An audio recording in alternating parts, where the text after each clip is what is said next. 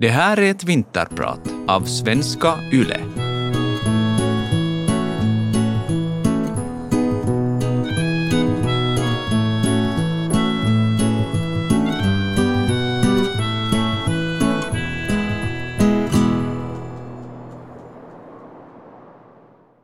Jag vet inte var du är. Kanske du är ensam. Kanske du önskar att du skulle vara ensam. Kanske du ligger i ditt pojkrum och äter gröna kulor. Kanske du diskar upp ännu ett berg av julmatsflottiga tallrikar. Du är frisk. Du är sjuk. Du är skild. Du har fått ditt första barn. Du är änka eller så har du aldrig vågat älska. Jag vet inte var du är och vad du behöver lyssna på, men jag vet vad jag ofta behöver få höra. Jag behöver berättelser om mod för att våga mer. Jag behöver historier om samhörighet för att känna mig mindre ensam. Därför vill jag inte prata till dig om den ofrivilliga ensamheten och nödvändigheten av att få sällskap på ett kallt järnrör. Jag heter Bo-Göran Åstrand och är biskop i Borgå stift. Ett stort brunt kallt järnrör. Under regnskyddet bredvid skolgården det sträckte sig längs med den långa fönsterraden. Där satt jag, så gott som varje rast när jag hade börjat högstadiet. Av olika orsaker hade jag hamnat utanför. Jag hängde väl inte riktigt med på gymnastiken. Jag var kanske inte så tuff. Kanske var jag lite annorlunda. Jag var en tonårskille som inte hittade in i gänget. Passade inte in liksom. Röret blev min räddning. Det blev min plats. Där satt jag och såg ut över den stora gården och såg på när alla andra var tillsammans. Stod och pratade, skrattade, joxade med varann och hade roligt. Ofta rörde sig högstadieeleverna i klungor. Stod i cirkel eller var två eller tre bästisar tillsammans. Men när jag gick ut från klassrummet var det järnröret som var mitt sällskap. Mitt enda sällskap. Och framåt hösten blev det bara kallare att sitta där. Men en dag fick jag sällskap. En kille kom och satte sig bredvid mig på röret och började prata. Han frågade var i Purmo jag bodde och hur det såg ut där. Först var jag lite reserverad. Höll avstånd, var tyst. Det var verkligen inte så lätt att plötsligt börja berätta om sig själv. För eh, för det hade jag inte gjort på ett bra tag. Rasten tog slut och vi gick in. Jag blev verkligen förvånad då han följande dag också kom och satte sig på samma ställe, bredvid mig på det bruna järnröret. Och så småningom öppnade jag upp och berättade om min familj, mina syskon och vad jag brukar göra efter skolan. Det var nog en otrolig känsla. Så här fortsatte det och efter ett tag vågade jag fråga om han kunde komma hem till mig och hälsa på. Det ville han. Några dagar senare hoppade vi båda på min skolbuss. Nu var inte platsen bredvid mig tom. Vi var ju två. Två som tittade och talade. Det som var fantastiskt var att det inte stannade vid min nya vän, med en vän. Med honom kom också nya vänner. Hans vänner som småningom också blev mina. Det kändes så otroligt bra. Annorlunda men bra, för nu kände jag mig trygg. Jag minns terminen när jag var borta en längre period på grund av ett besvärligt virus. I postlådan kom ett kort där det stod att de saknade mig och önskade att jag snart skulle bli frisk igen. Då grät jag faktiskt, för en sån hälsning hade jag aldrig fått tidigare att någon skulle sakna mig. Det är länge sedan. Över 40 år sedan jag satt där på järnröret, utanför, ensam.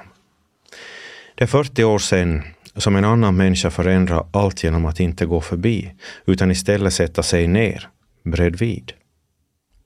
Jag har förstås återkommit till den här vändningen många gånger, både privat och professionellt. Den har funnits där som en egen erfarenhet när jag talar om ensamhet. Jag har också öppet berättat om mobbningen i skolklasser och vid föräldrasamlingar. Ja, jag har predikat om utanförskapet. Jag är glad att jag kan tala om de här sakerna, därför att för mig betyder det att jag har kunnat gå vidare i livet. Att jag inte längre skäms. Att det inte längre tar så ont. Men det är klart att minnena finns kvar. Jag märker att när jag talar om mina upplevelser så kommer jag på mig själv med att fundera på hur min väg i livet skulle ha sett ut om jag lämnats utanför, om jag inte fått vänner, om jag blivit kvar längre på det bruna järnröret. Hur självkänslan skulle ha utvecklats då, självförtroende. Ändå är det så att upplevelsen av att vara utanför, att vara ensam i världen, förstås lämnar spår inuti. Ibland är det kvar som sår eller ärr som svider och stramar vid tillfällen som på något sätt liknar uteslutande.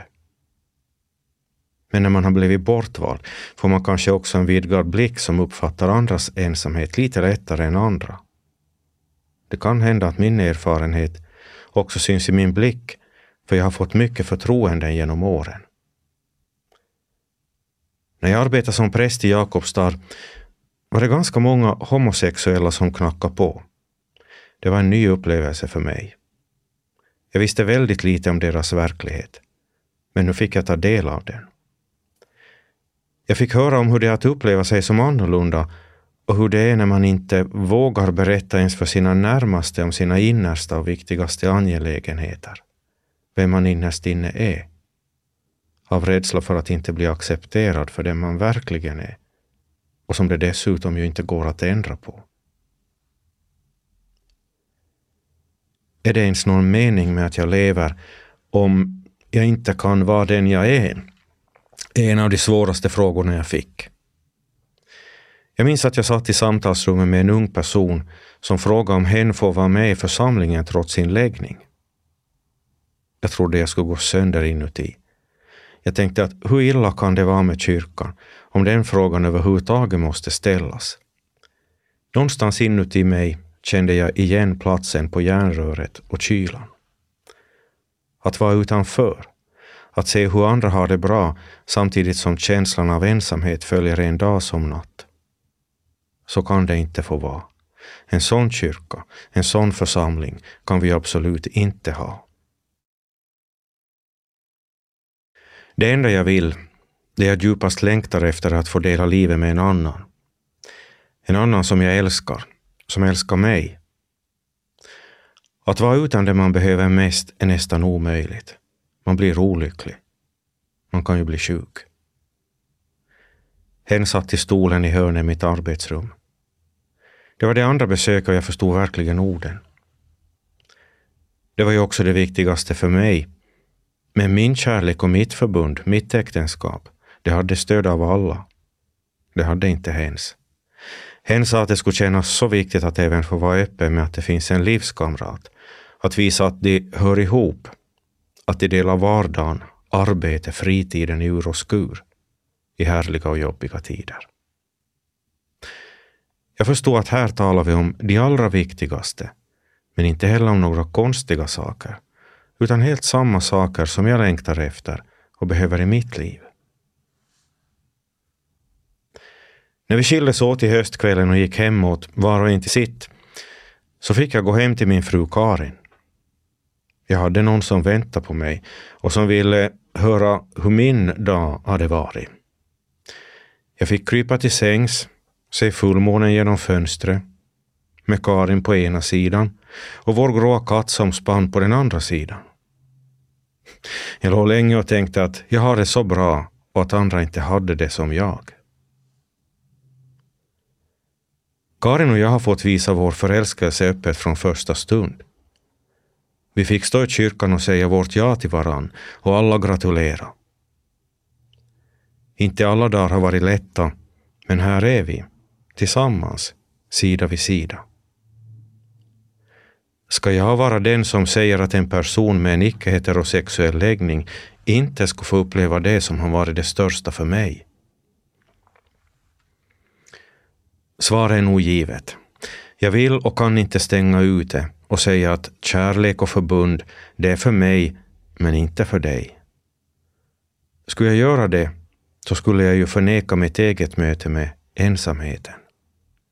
och då skulle jag någonstans i mitt inre känna att nu har jag förnekat mig själv. Ändå måste jag också komma till rätta med saken i den kyrka jag arbetar i. Alla ser ju inte saken så som jag gör. Alla har kanske inte varit ensamma.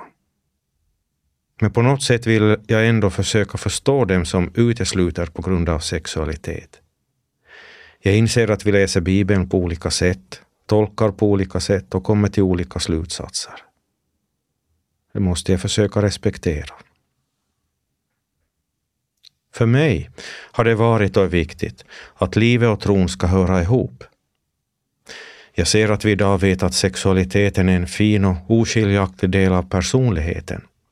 Den kan liksom inte plockas ut och förändras för att en person ska bli det som andra kräver för att man ska vara accepterad. Jag ser också att det vi i kyrkan säger, att Gud har skapat livet, betyder att varje människa har lika stort värde och rätt att vara den man innerst inne är. Ibland brukar jag säga till konfirmanderna Kom ihåg att säga till dig själv när du står där framför spegeln tidigt en morgon innan du ska åka till skolan och ser din rufsiga kalufs som inte vill som du vill. Jag är fin. Jag är fin precis som jag är. Det här livet är nog tillräckligt krävande redan utan att vi sätter bördor och omöjliga krav på varandras axlar. Utan att vi sätter bördor på våra egna axlar. Man kan ju inte göra om sig själv och man ska inte behöva göra om sig själv. Ja, vi satt då där ute i det fria. Det var några år efter de intensiva själavårdssamtalen. Det var den mjuka sommargröna gräsmattan, den herrgårdsliknande huvudbyggnaden. Det var krattade gångar och ett lusthus som lyste gult. Det var oändligt vackert. Men vi satt inte där för att vi ville det. Vi ville vara i kyrkan, men det var för många som inte ville öppna dörren dit. Så därför var vi nu här i Aspegrens trädgård. Det var sommar och det var Jakobstads tur att vara värd för Pride. Ett mycket omdebatterat värdskap. Stan och församlingen var delad. Månaderna innan hade diskussionernas vågor gått höga. Det fanns de som ansåg att det här inte alls var bra och allra minst att det skulle ordnas en gudstjänst med anledning av Jeppis Pride. Och det fanns de som sa att det här är bra, att det behövs och att nu blir mångfalden synliggjord. Jag fick upprörda besök av dem som sa att jag gör fel om jag är med i Pride-gudstjänsten. Att den här festivalen går emot vad Bibeln lär och att hela saken borde ställas in. Senare, i samma rum, satt personer som glatt sa att nu blir Guds kärlek och människornas värde synliga och tydliga, också i kyrkan. Jag märkte hur det rev inuti mig. Jag förstod att bägge sidor ju innerst inne ville väl ur sin synvinkel sett. Men jag såg också tydligt att de här sakerna går ju inte ihop. Och är man då mitt i den diskussionen är det rätt att tappa bort sin egen ståndpunkt. Särskilt stor är risken om man själv varit utanför, suttit i ensamheten och upplevt att man inte passar in. Då blir nämligen risken stor att man vill vara alla till lags. Att man vill förstå och bli förstådd av båda grupperna. Det kunde kallas diplomati. Och i vissa lägen är det en styrka, det har jag ju själv upplevt. Men i andra lägen går det inte att försöka stå på bägge sidor samtidigt. Sätter du inte ner foten snart, sa min mentor åt mig en gång, så blir du med bägge fötterna i luften. Då vet vi ju alla hur det går. Några var riktigt arga på mig nästan lite hotfulla. Några skrev fula brev. Jag mötte dem som sa att det här river ned mer än det bygger upp och att jag därför bidrar till att splittra församlingsgemenskapen.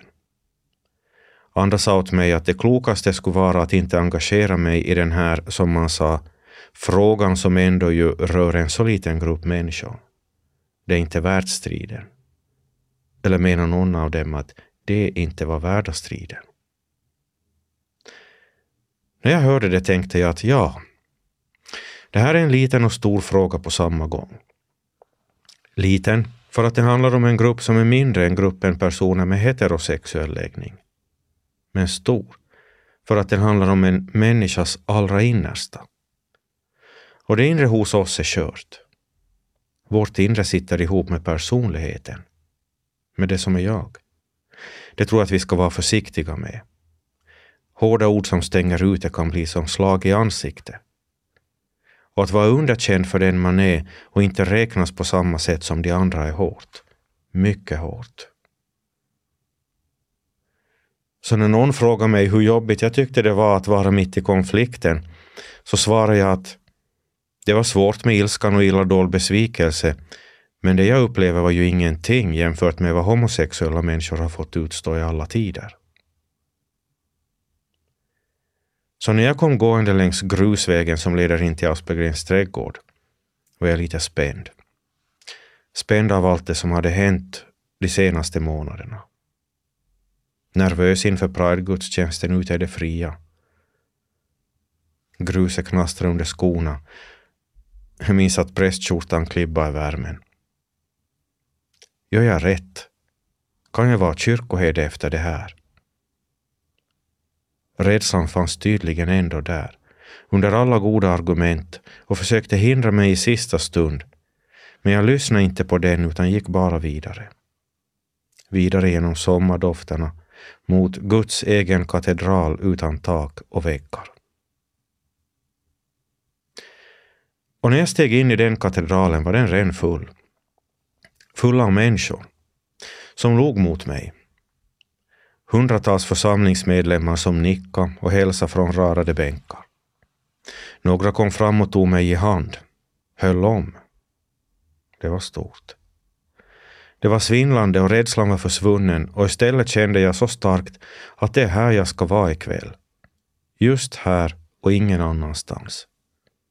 Nu ska vi vara tillsammans och tacka Gud för att vi lever här och nu.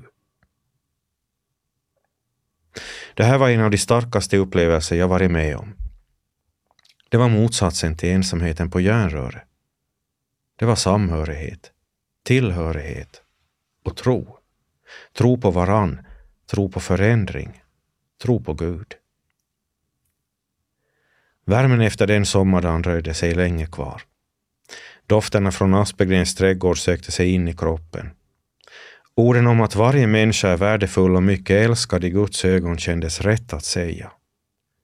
Och att vi inte ska göra skillnad på människor, för då begår vi synd, som det står i Bibeln. Kärleken är den kraft som förenar oss, gör oss trygga, ger oss mod. Allt som ett, ett hjärta vill känna och uppleva. Att två människor av samma kön möts i kärlek, omtanke, omsorg och ansvarstagande tar ju inte bort någonting från mig. Tvärtom, två människor som hjälps åt att dela allt gör att livet blir mycket lättare att leva. Och jag vill nu här dela mitt liv med dig. Jag heter Bo-Göran Åstrand och är biskop i Borgå stift.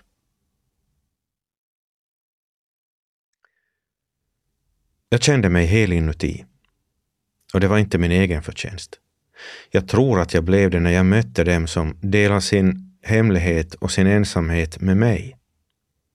Deras berättelser om hur de känt sig utanför, men också om styrkan i kärleken och gemenskapen, gjorde att jag kunde se och förstå och få delarna att gå ihop. Få mig att gå ihop, bli hel.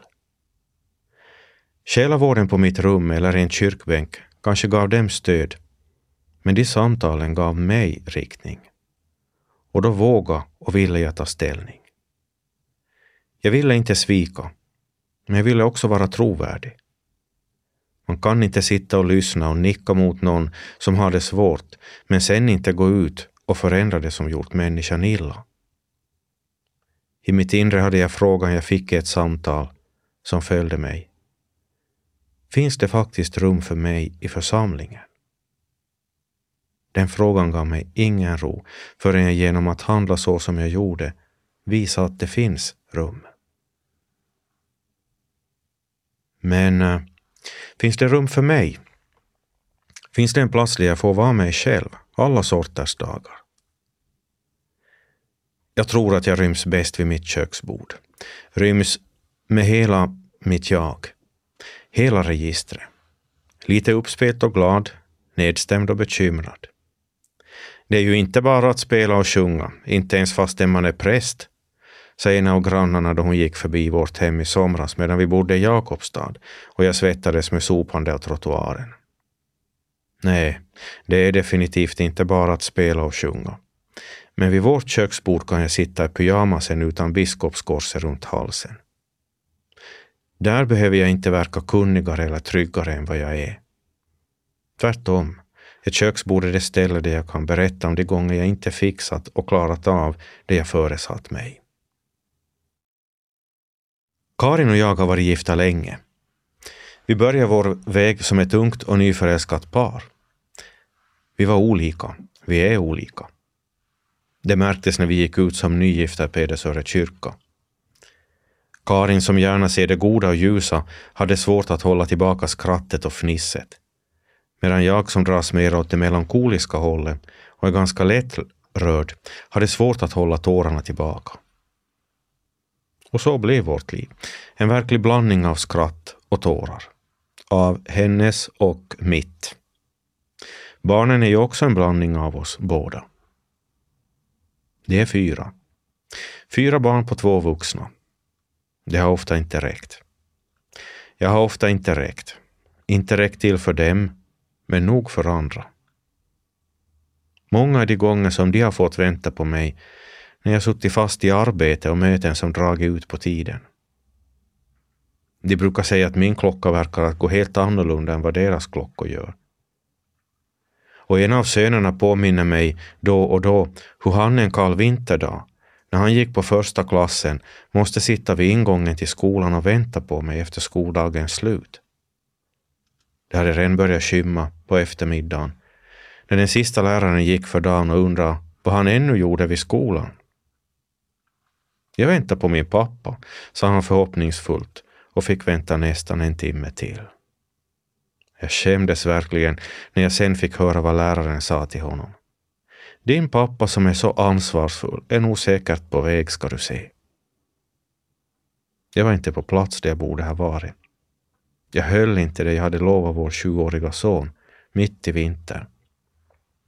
Och jag minns att jag frågade mig själv varför jag prioriterade fel och svek. För det blev ju så att mötet jag satt på, även om jag inte medgav det, i praktiken blev viktigare än min uppgift att vara pappa.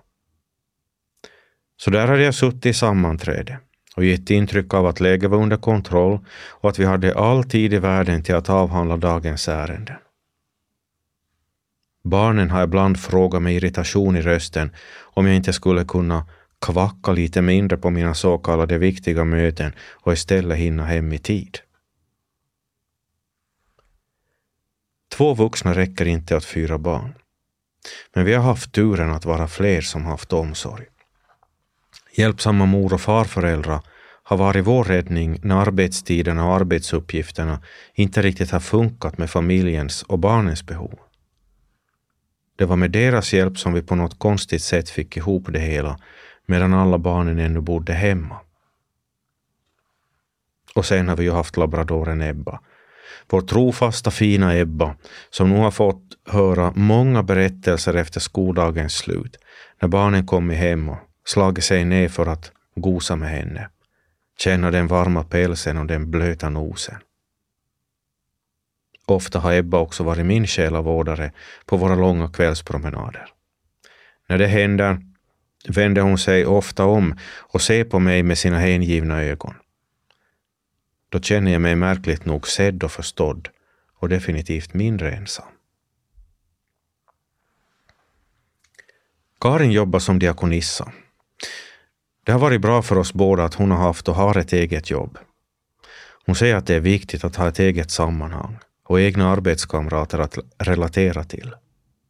Särskilt när ens man är kyrkoherde som alla känner, frågar efter och pratar med. Då är det lätt att bli osynlig Osynlig kan göra att man känner sig oviktig. Särskilt tydligt syns det nu när vi har flyttat från Jakobstad till Borgå. Köket och matsalen i den officiella delen av Biskopsgården är ju som gjorda för en biskopinna som ska stiga till och stå vid sin mans sida.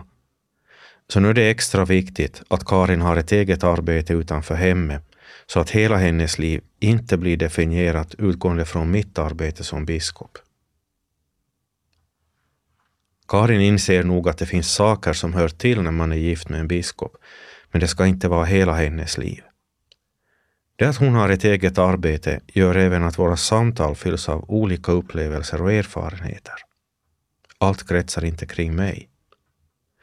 Jag vill verkligen att vi ska vara jämlika, mötas på samma plan.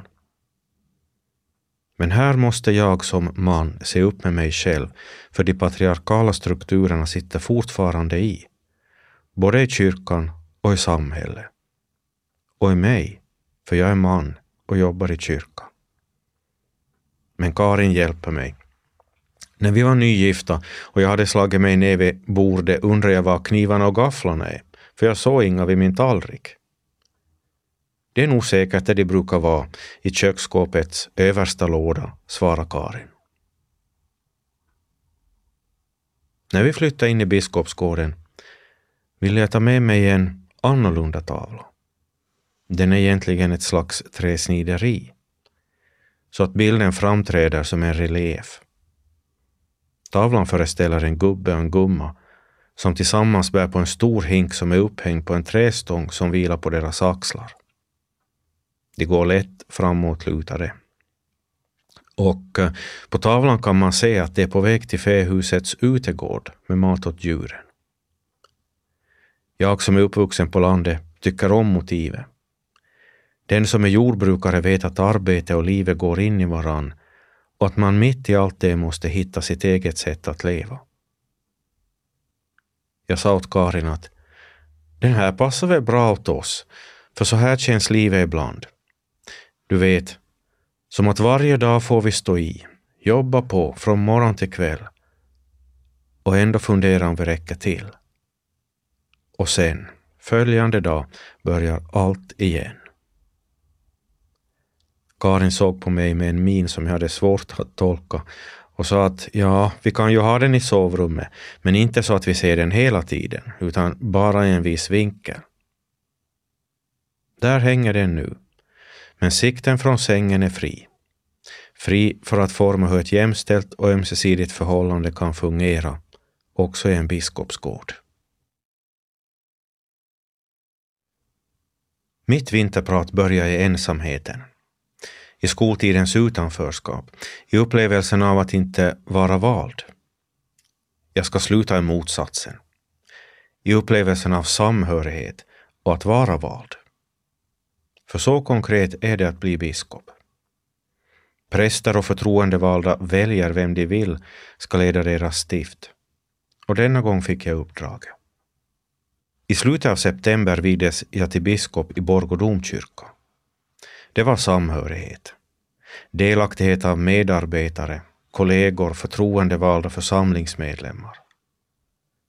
Men det som gav mig en alldeles speciell känsla djupt inom mig var när jag såg Karin, våra fyra barn och alla mina sex syskon sitta framme i kyrkan. Och jag tänkte på min mamma och mina svärföräldrar som följde med tillfälle i direktsändning. Då visste jag att utan alla dem skulle jag ju inte stå här. De har funnits där och de finns där. Deras omtanke och kärlek har gjort detta möjligt. Det är sådana gånger jag in, igen inser hur beroende jag är av andra. När jag den dagen höll min dialogpredikan tillsammans med skoleleven Mahira Paukko från Borgo var det lätt att tala om vardagsänglar. En vardagsängel, sa vi, är en medmänniska som finns där när vi som mest behöver det. En medmänniska som frågar hur det står till och om man kan hjälpa till med något. Och en vardagsängel är beredd att inte bara tala utan också göra saker. Jag känner att jag har fått vara omgiven av just sådana vardagsänglar. Därför vill jag inte att någon ska behöva vara utan ett sammanhang där man får uppleva sig sedd, älskad och hemma. Jag har fått ingå i en så kallad traditionell familj med pappa, mamma, barn, den äldre generationen och syskon. Men det är ju inte den enda formen för gemenskap. Jag ser att det idag finns olika former för familjeliv. Nyfamiljer, ensamstående med barn, familjer med mammor eller familjer med pappor, singlar med vänkrets, storfamiljer med flera generationer av personer med utländsk härkomst. För mig har det blivit så att det inte är formen för gemenskap som är det viktiga. Det viktigaste är att få höra till och vara del av en gemenskap. Vårt samhälle förändras och vi måste också göra det. Det är en annan tid nu än när Sakarias Topelius skrev Giv mig ej glans, ej guld, ej prakt. Giv mig ett hem på fosterjord, en gran med barn i ring. Ändå har vi kvar vår längtan efter nära och kära som vi kallar familj. Det kan vara vänner, släktingar, grannar och arbetskamrater. Medmänniskor att relatera till. Därför måste vi hålla våra dörrar öppna också för mångfalden. Mångfalden är ofta ensamhetens motsats. Tolerans är kärlek. Giv mig ett bo med samvetsro, med glad förtröstan, hopp och tro, sjunger vi en stämningsfull julkyrka. Men jag tycker också att den meningen sammanfattar vad jag ville ge er med mitt vinterprat. Tack för att ni lyssnade. Jag heter Bo-Göran Åstrand och är biskop i Borgå stift. Kom hjärtevarm i världens vintertid. Kom, helga julefrid.